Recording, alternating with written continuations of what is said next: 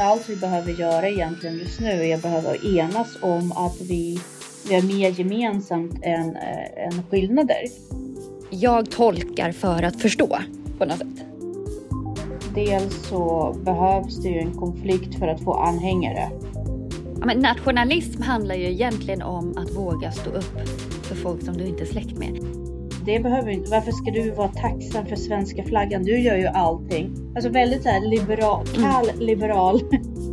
Han pratar ju också om, om eh, frihet och liksom de här tydliga bristerna i demokratin.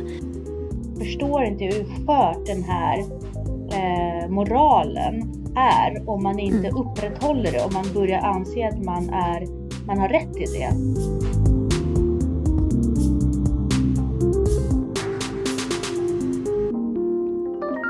Hej Jessica! Hej! Hur är det? Det är bra. Hur har din vecka varit? Bra. Eh, jag är ju på Sandhamn och håller på och eh, stökar. Mm.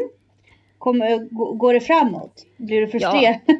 Ja. Poolen funkar nu i alla fall. Så att, eh... Ja, ah, gud vad bra. Så vad var mm. det som var, vad var det som var det för, vad, vad var det för fel på den till slut? Till slut har ju allting varit fel på den, men eh, den här sista grejen var att jag eh, köpte en ny pump och har installerat den.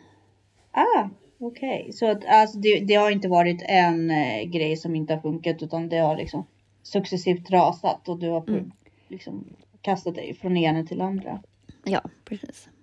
Men ändå starkt jobbat att fixa den. Jag tror att majoriteten av människor hade bara bytt ut. Men eh, det är tappert kämpat. Verkligen. ja.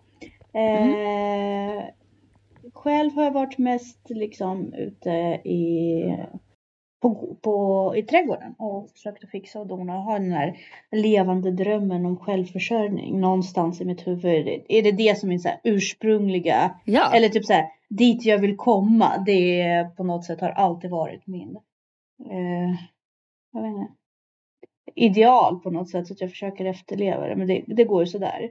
Mm. Men jag vill ju helst vara så här non-waste, organisk människa. Precis. men eh, vi får se hur långt jag kan ta mig i det där. Mm. Eh, men du, spännande eh, Youtube-klipp vi har lyssnat på och ja. tittat på och tagit del av. Ja. Eh, ja. Is Israels författare va? Eh, Yuval Noah Harari, han som ja, har skrivit Sapiens. precis. Precis. Eh, och han är ju han är historieprofessor och han ser ju på, alltså han gör, han gör en väldigt intressant analys av vad som händer i världen just nu. Därför att vi står ju i gränslandet för väldigt många förändringar. Mm. Och många av dem pratar ju väl om att det är liksom för första gången i historien, för det mesta brukar ju vara cykliskt. Men nu står vi inför vissa saker som inte är cykliska.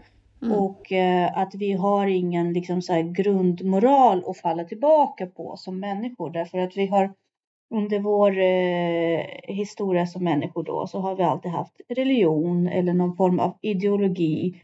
Mm. Eller någon form av eh, högre sanktionerad moral som har mm. stått till stöd mm. för eh, våra tankar och moral och grunder sig. Mm. Men mm. han menar på att nu har vi kommit till ett, ett gränsland där vi inte längre har den eh, och att man måste liksom bilda sig sin egen uppfattning om saker och ting och tycka ganska starkt om de sakerna och faktiskt uh, våga bära någon form av försvar mot invasiva idéer kan man säga. Mm. Det kommer bli mer, det kommer falla mer på plats ju mer vi pratar om det. Men det han menar ju på att förr i tiden så var det väldigt mycket staten, kungen, religionen som berättade för oss vad som var rätt och fel. Mm. Och vad som var liksom moraliskt okej okay och inte okej okay och också varför. Vi hade ett mål som också var gemensamt. Liksom.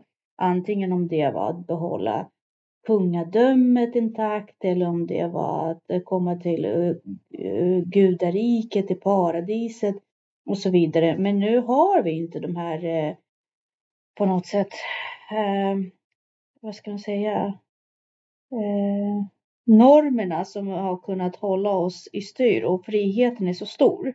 Mm. Och, och, vi möts också av två ganska stora förändringar som är på gång som är ju då DNA mm, ingenjörskap, alltså att man ska kunna förändra människor på bionivå mm. eh, och eh, biologisk nivå och förändra DNA och även eh, AI. Mm. Och att det här skapar en ganska stor uh, oro i honom om hur, hur människor borde få hjälp att anpassa sig i den nya världen och förhålla sig. Det är väl det, förhållningssättet. Mm. Hur ska man förhålla sig? Mm. Vad tyckte du initiellt om hans, uh, om hans ja, tankar? Jo, eh, alltså det är mycket som man känner så här, ja men det här, det här är väl liksom bra. Eh, just det mm. här att ifrågasätta historiska berättelser, alltså mm. narrativen som du säger som har präglat hur vi förstår och ser på utvecklingen. Alltså just det här att det är så mycket ändå så här, om man tänker på historia och det vi, mm. vi minns av en historia är det som har berättats eller det som har skrivits ner. Så att redan mm. där är det någon som har gjort en sållning. Mm. Att, och det måste man ju ha med sig. Så här. Vi får ju bara en utvald del av historien och mm. är den korrekt? Till exempel att man, just här, att man tänker lite kritiskt hela tiden. Mm. Eh, mm. och att man som han vill då utmanar etablerade historier eh, och tänker i, i, ett bredare perspektiv. Eh, men också att tänka ur ett sätt som faktiskt eftersträvar en förståelse. Det tycker jag om med hans sätt mm. att se på saker. Liksom mm. så här, eh, jag tolkar för att förstå på något sätt. Mm. Eh, men mm. också att frågasätta sociala normer som han också tar mm. upp. Eh, att vi liksom tar normer för givet. Eh, mm. och det, där är ju Sverige ett väldigt svårt land att komma in i för det finns så otroligt mycket normer och värderingar som faktiskt är svårt för folk att förstå och som ingen någonsin mm. säger och berättar. Mm. Det är jättespännande. Eh, och att man också ifrågasätter för att bättre förstå sig själv. Varför reagerar jag som mm. jag gör? Varför liksom finns rasism? Varför? För mm. att det också är kulturella nerärvda system på något vis. Mm. Eh, och sen så tycker jag också att det var spännande det här som han tar upp om, om konsumtionsbeteenden. Mm. Alltså ifrågasätta våra konsumtionsvanor. Mm. Eh, och reflektera över vilka är behoven? Och mm. vad är det vi verkligen behöver? Alltså kontra miljön och hållbarhet och så. Eh, men Precis. även själv... Han pratar också om det här med självbilder och självbedrägeri. Att ifrågasätta mm. våra självbilder och den hur vi, den inre dialogen vi liksom har med oss själva för att utvecklas personligen eh, och ta mm. ansvar. att, att man ibland faktiskt också måste lura sina egna tankar och övertygelser och det har vi också pratat om väldigt mycket. Så det mm. jag känner behöver inte vara på riktigt. Det är bara en känsla. Eh, och allt vi tänker, det jag tänker, det är bara min uppfattning av verkligheten. Det är inte verkligheten. Eh, och det är ju jätte, jätteviktigt om man vill utvecklas och förstå andra personer. Och sen mm. också det här han tar upp med teknologins påverkan, att det är viktigt att ifrågasätta hur tekniken påverkar våra liv. Och det är ju superaktuellt överhuvudtaget det här med AI och för och nackdelar och konsekvenserna. Eh, och integritet mm. också. Att, att, det är klart att, att man ska tillåta saker som kan, kanske är integritetskränkande för ett högre syfte. Men man behöver mm. inte heller bli slarvig med att bara släppa igenom jättemycket. Eh, mm. Det är en mm. svår balansgång liksom. Eh, och mm. att hela tiden använda tekniken på ett sätt som gynnar oss och inte missbrukar den. Tänker jag. Mm. Och han pratar ju också, han har ju en bok som heter 21 lärdomar för det 21 århundradet. Eh, mm. och den podden vi såg var ju så här, tre saker som du behöver ta med dig till 2023. Eh, Precis. Men det här, jag tycker det är väldigt spännande det här han pratar om, om desillusioneringen. Och det är väl överlag mm. allt det här, liksom att man faktiskt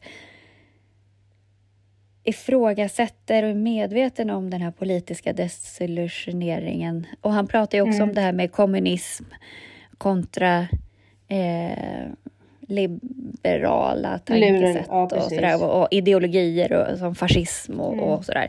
Att... Eh, ja.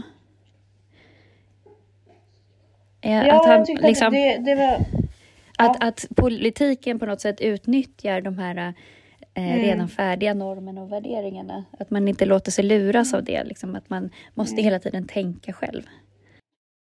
Precis. Och eh, jag fastnade väldigt mycket för eh, framförallt två saker som han sa. Att dels så behövs det ju en konflikt för att få anhängare. Mm. Eh, och det var väldigt spännande att eh, man, man liksom hetsar folk på varandra och eh, eh, stigmatiserar och sen så rider man på kraften av ena lägret så att säga mm. För att nå sin eh, makt. Jätteintressant, särskilt mm. nu med tanke på hur mycket höger, extremhögern har fått och Sverigedemokraterna, hur många anhängare de har fått och så. Mm. Och jag tänker å andra hållet det här debatten om eh, eh, eh genus i USA och alla transgender-grejerna som egentligen, alltså det behöver inte politiseras så mycket tänker jag. Men man har verkligen spelat på den konservativa eh, kulturen i USA och spelat ut det mot eh, de mer liberala och verkligen fått jättemycket influens tack vare mm. det. Väldigt många politiska aktörer som har fått och väldigt mycket utrymme tack vare det. Eh, mm. Uh, och det är väldigt lätt att tänka så uh, när man hela tiden matas på med media. Vi har inte så djupt kritiskt tänkande. Vi gör inte djupare analyser utan allt matas på väldigt fort. Och det mm. skapas väldigt mycket känslor. Men att man analyserar inte riktigt så här. Varför är det här ens en grej? Mm. Borde inte det här vara någonting personligt, privat liksom? Och mm. verkligen inte beröra alla människor i samhället och polarisera så mycket i samhället för eh, samhällets invånare istället för att söka en enighet. Mm. Och eh, som motvapen mot det här menar han ju på att vi måste börja bilda oss en gemensam berättelse än vad, vad en narrativ där vi ser varandra som som en mänsklighet därför att de problem som vi kommer utkämpa i de närmaste århundrade handlar om oss som ras. Mm. Eh, som mänsklighet och det handlar inte så mycket om oss som separata eh, klungor. Så att vi, allt vi behöver göra egentligen just nu är att behöva enas om att vi, vi har mer gemensamt än, eh, än skillnader. Och att eh, det här destruktiva politiska Eh, polariseringen som sker just nu tack vare sociala medier och att man kan ha så lätt att nå ut och eh, föda elden så att säga i debatterna genom att göra eh, uttalanden på Twitter och så vidare. Eh, och ja, diverse sociala medier egentligen kan föda, eh, liksom mata på den här elden snarare än att eh, sitta i en sansad debatt och diskussion liksom om mm. hur vi löser problem. Eh, så det var intressant att han menar på att vi måste börja skapa oss ett narrativ som inte handlar om vi och dem. Utan mm. ett narrativ som eh, mer eh, skapar en gemensam mänsklig natur så att säga, där vi är en mänsklighet. Det var spännande. Mm. Sen så var det ju extremt spännande hur han förde en han är ju nästan lite av en rebell. Mm. Jag kan tänka mig att det, inte att det är många som inte är så glada på honom. Men där han pratar om eh, att det är ingen som gynnar på att odla en spiritualitet hos människor. Nej. Nej. Utan att spiritualiteten är någonting som man i, i, idag faktiskt eh, eh, utifrån politiker eh, och företag någonting som man nästan vill utplåna därför att den kan man inte konsumera, eh, den kan man inte eh, ja, man kan inte dra konsumtionsnyttat av det. Det finns ingenting där och hämta, det finns ingen resurs där att hämta Eh, på samma sätt som, eh, som man kan göra med ja, andra kvaliteter som man har försökt att odla hos människor som till exempel ja, hat för varandra, statussymboler och så vidare. Eh, så det är intressant att han säger att det finns ingen organ som egentligen värnar om, om vår spiritualitet och där måste människorna på ett sätt försöka själva vara väldigt medvetna om vad är, vad är behoven. Och det här var ju någonting som vi redan var inne på eh, i vår föregående podd med det här med eh, spiritualitet och mental eh, mental eh, sjukdom och mental eh, hälsa.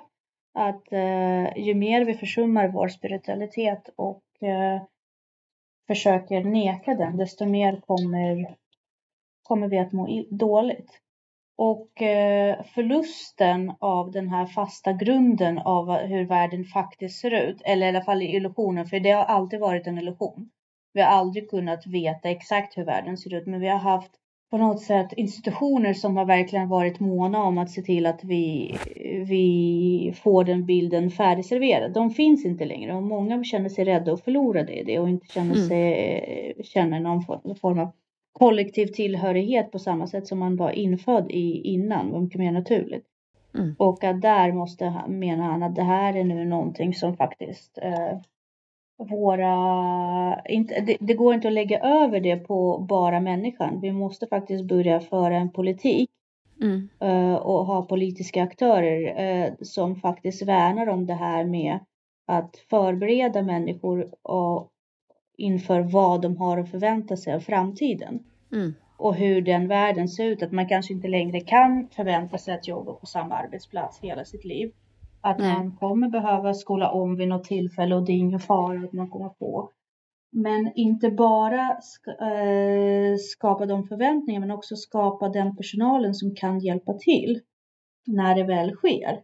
Alltså mentorer och äh, strateger och så samhällsingenjörer, sociala ingenjörer som faktiskt hjälper till att förändra Eh, den här banan om att ja, man gifter sig, man jobbar på samma ställe. Ja, och samtidigt känner jag så här, men det har, alltså om man tittar i alla fall eh, på Sverige, liksom, där är ju folk väldigt flexibla och man räknar inte med att saker ska vara som de har, har varit och så där. Och där tycker jag också covid har verkligen drivit utvecklingen framåt. Men det är som du säger, det, här, det är fortfarande det här viktiga med miljön, för att även om det blev bättre under covid, alltså det, folk anstränger sig ju inte. Alltså, nu när resandet gick ner under covid, då blev det ju bättre för miljön och sådär samtidigt som folk sen så fort man kan så bara, nah, man vill liksom inte göra avkall på det där.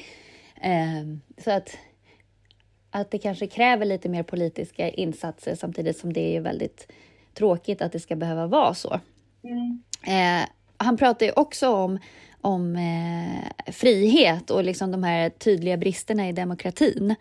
Eh, och det där tycker jag är så spännande också. Det ser man ju nu med kriget i Ukraina.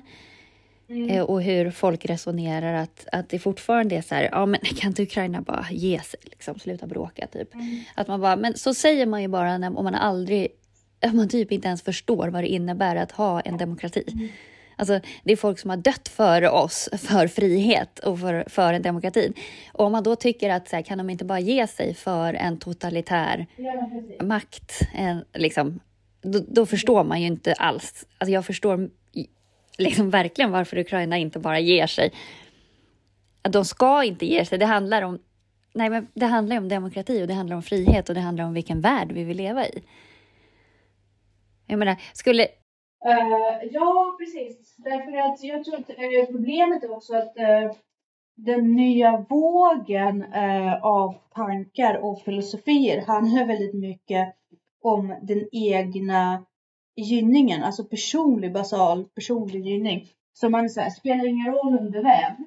Ja. Så länge jag får tillgång till min internet och min mat, liksom i princip, så är det bra. Ja, men det kommer du ju inte få till slut. Och och det som du säger, att det är, liksom, det är den egna vinningen. Och så här, det berör inte dig att de bråkar där, det bara påverkade börsen. Typ. Nej, men alltså, att, att det är ju så kortsiktigt. Och då får man nästan så här, men vadå, skulle du inte slåss om det kom in någon och bara annekterade ditt hus och dina egendomar och sa att det inte är dina längre? Eller liksom, och begränsade din rörelsefrihet och så skulle inte du slåss för det då? Skulle inte du bli upprörd och arg? Då bara, jo det är klart. Typ man bara, ja exakt. Fast skulle, alltså, det, det, problemet för mig är att majoriteten mm. av uh, människor är inte längre är lika beredda på det. Alltså, då, uh, jag tror att uh, det här med nationalstaten har på något sätt, man har tappat respekten för, Aha. man har, eh, för staten. Alltså det handlar, det handlar väldigt mycket om att han pratar ju också om det, om att förr i tiden så ansågs ju nationalism som någonting vackert. Eh, och... ja, men nationalism handlar ju egentligen om att våga stå upp för folk som du inte är släkt med. Alltså våga ja. stå upp för folk för att vi bor i samma land. Att du faktiskt offrar dig för folk du inte känner bara för att ni, vi råkar vara landsbröder. Ja men exakt. Att, eh, och det att håller på att försvinna. För, ja, exakt. Och det är det jag säger, att den personliga eh, egoismen har ju utrotat det. Så man förstår inte varför man ska st ställa Nej. sig upp och slåss för, för några värderingar eller en viss standard. När det är så här, jag betalar skatt eh, och, och sen mm. är det mm. det. Och sen så har man på något sätt mm. eh, outsourcat den moraliska vikten med det också. Men det är som eh, Juval mm. säger, alltså vi måste börja bygga upp en rätt och fel även om det inte är eh, inflikat ovanifrån. Att det inte kommer från helgedomar utan en rätt och fel som är universella och eh, finns mm. där oavsett om, man har, om, det har med en, om det finns en nationalstat eller inte, om det finns lag eller inte. Alltså någonting som och, och det är där han pratar om att det måste komma in det här med medmänniskor och kanske det behöver inte vara globalt, men jag menar eh, det, man har ju slagit hål på nationalismen. När jag kom till universitetet, och det är ju ändå tio år sedan, mer än tio år sedan, för första gången och mm. satt på en kurs som handlade om just demokrati och eh, nationalstat. Och så sa jag att men jag känner ju verkligen att jag får, eh, alltså det blir lite ömt i mitt hjärta när svenska flaggan eh, hissas och den representerar någonting vackert och tillhörighet för mig. Då blev jag nästan utskrattad. Och, mm. och eh, då var det så här, men gud vad primitivt i princip. Varför ska du det? Mm. Eh, det behöver inte, mm. varför ska du vara tacksam för svenska flaggan? Du gör ju allting. Alltså väldigt så här liberal, mm. kall liberal eh, kap, nästan kapitalistisk. Och man bara, men det, det, är inte så. Nu kommer vi till att bära frukten från de tankesätten. Jo, men vet du, det är lite grann som att när man jobbar med lärare. Jag kommer behöva rädda barn som även inte är mina barn ifall någonting skiter sig. Eh, jag vet inte om mm. det, är, det handlar om att lärare på något sätt står eh, samhället närmare för att vi har med barn att göra. Jag vill inte liksom eh, på något sätt höja upp oss för det. Men det är samma sak är det för mig med andra människor. Jag hjälper människor oavsett om de är mina grannar eller inte. Jag hjälper människor oavsett om de är mm. svenskar eller inte. Om jag är i en situation där jag kan hjälpa en mamma med en barnvagn eller något då gör jag ju det. Och mm. medans andra säger, men varför ska jag? Alltså, varför? Mm. Vad är det för vinning? Ja, vinningen är ju mm. att jag hoppas ju och tror att när jag gör det då skapar mm. jag ju på något sätt ett kapital. Samhällskapital mm. där jag vet att på något mm. sätt i, no, no, i en det ger mig en tro om att jag är omringad av vänner som också hjälper mig när, mm. när det skiter sig, när jag kommer behöva hjälpen. Den finns, mm. alltså den, den är nog svår, den finns inte längre på samma sätt. Utan det jag ser från ungdomar nu, det är entitlement. Alltså de tycker att de, eh, folk skyldiga dem det de har rätt. Mm. Det, det, hänger inte på att mm. folk är snälla eller välvilliga eller, eller på något sätt eh, har byggt upp det här på värderingar. Utan då, för dem är det ju ren och skär ekonomi. Och det är det som är det läskiga. Mm. De förstår inte hur skört den här eh, moralen är om man inte mm. upprätthåller det. Om man börjar anse att man, är, man har rätt i det. Att det, att det är mm. på något sätt rättighet som man, som man har rätt att räkna med. Det är där tror jag mm. det farliga är. Det är det jag tror att Juval pratar om. Att med, eh, nu när man har urholkat alla högre eh, moralinstanser på något sätt. Mm. Så blir det väldigt viktigt att vi inser att, eh, att vi måste vara snälla mot varandra i alla fall. Mm. Annars kommer det verkligen skita sig för snart är det här. Alltså, jag tror att resurskrigen mm. kommer komma verkliga eh, verkliga, ordentliga ekologiska katastrofer kommer komma där vi verkligen kommer behöva hålla hand. Som kommer sätta ja. oss på prov som mänsklighet.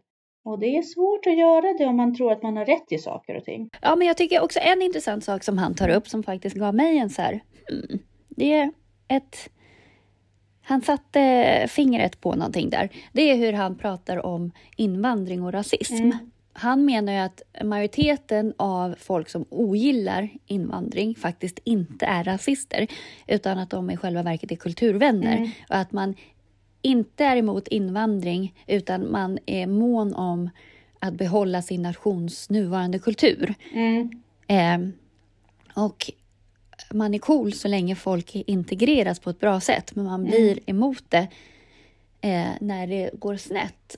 Och mm. Det perspektivet lyfts ju väldigt, väldigt sällan. Alltså, antingen är du emot, alltså, mm. antingen är du emot invandring, då är du rasist, mm. Eller inte. Och det handlar inte om det. Jag tycker du och jag har pratat om det en del också. Att, här, det handlar inte om det, utan det handlar om att vi har lagar och regler här och följer du dem så fine.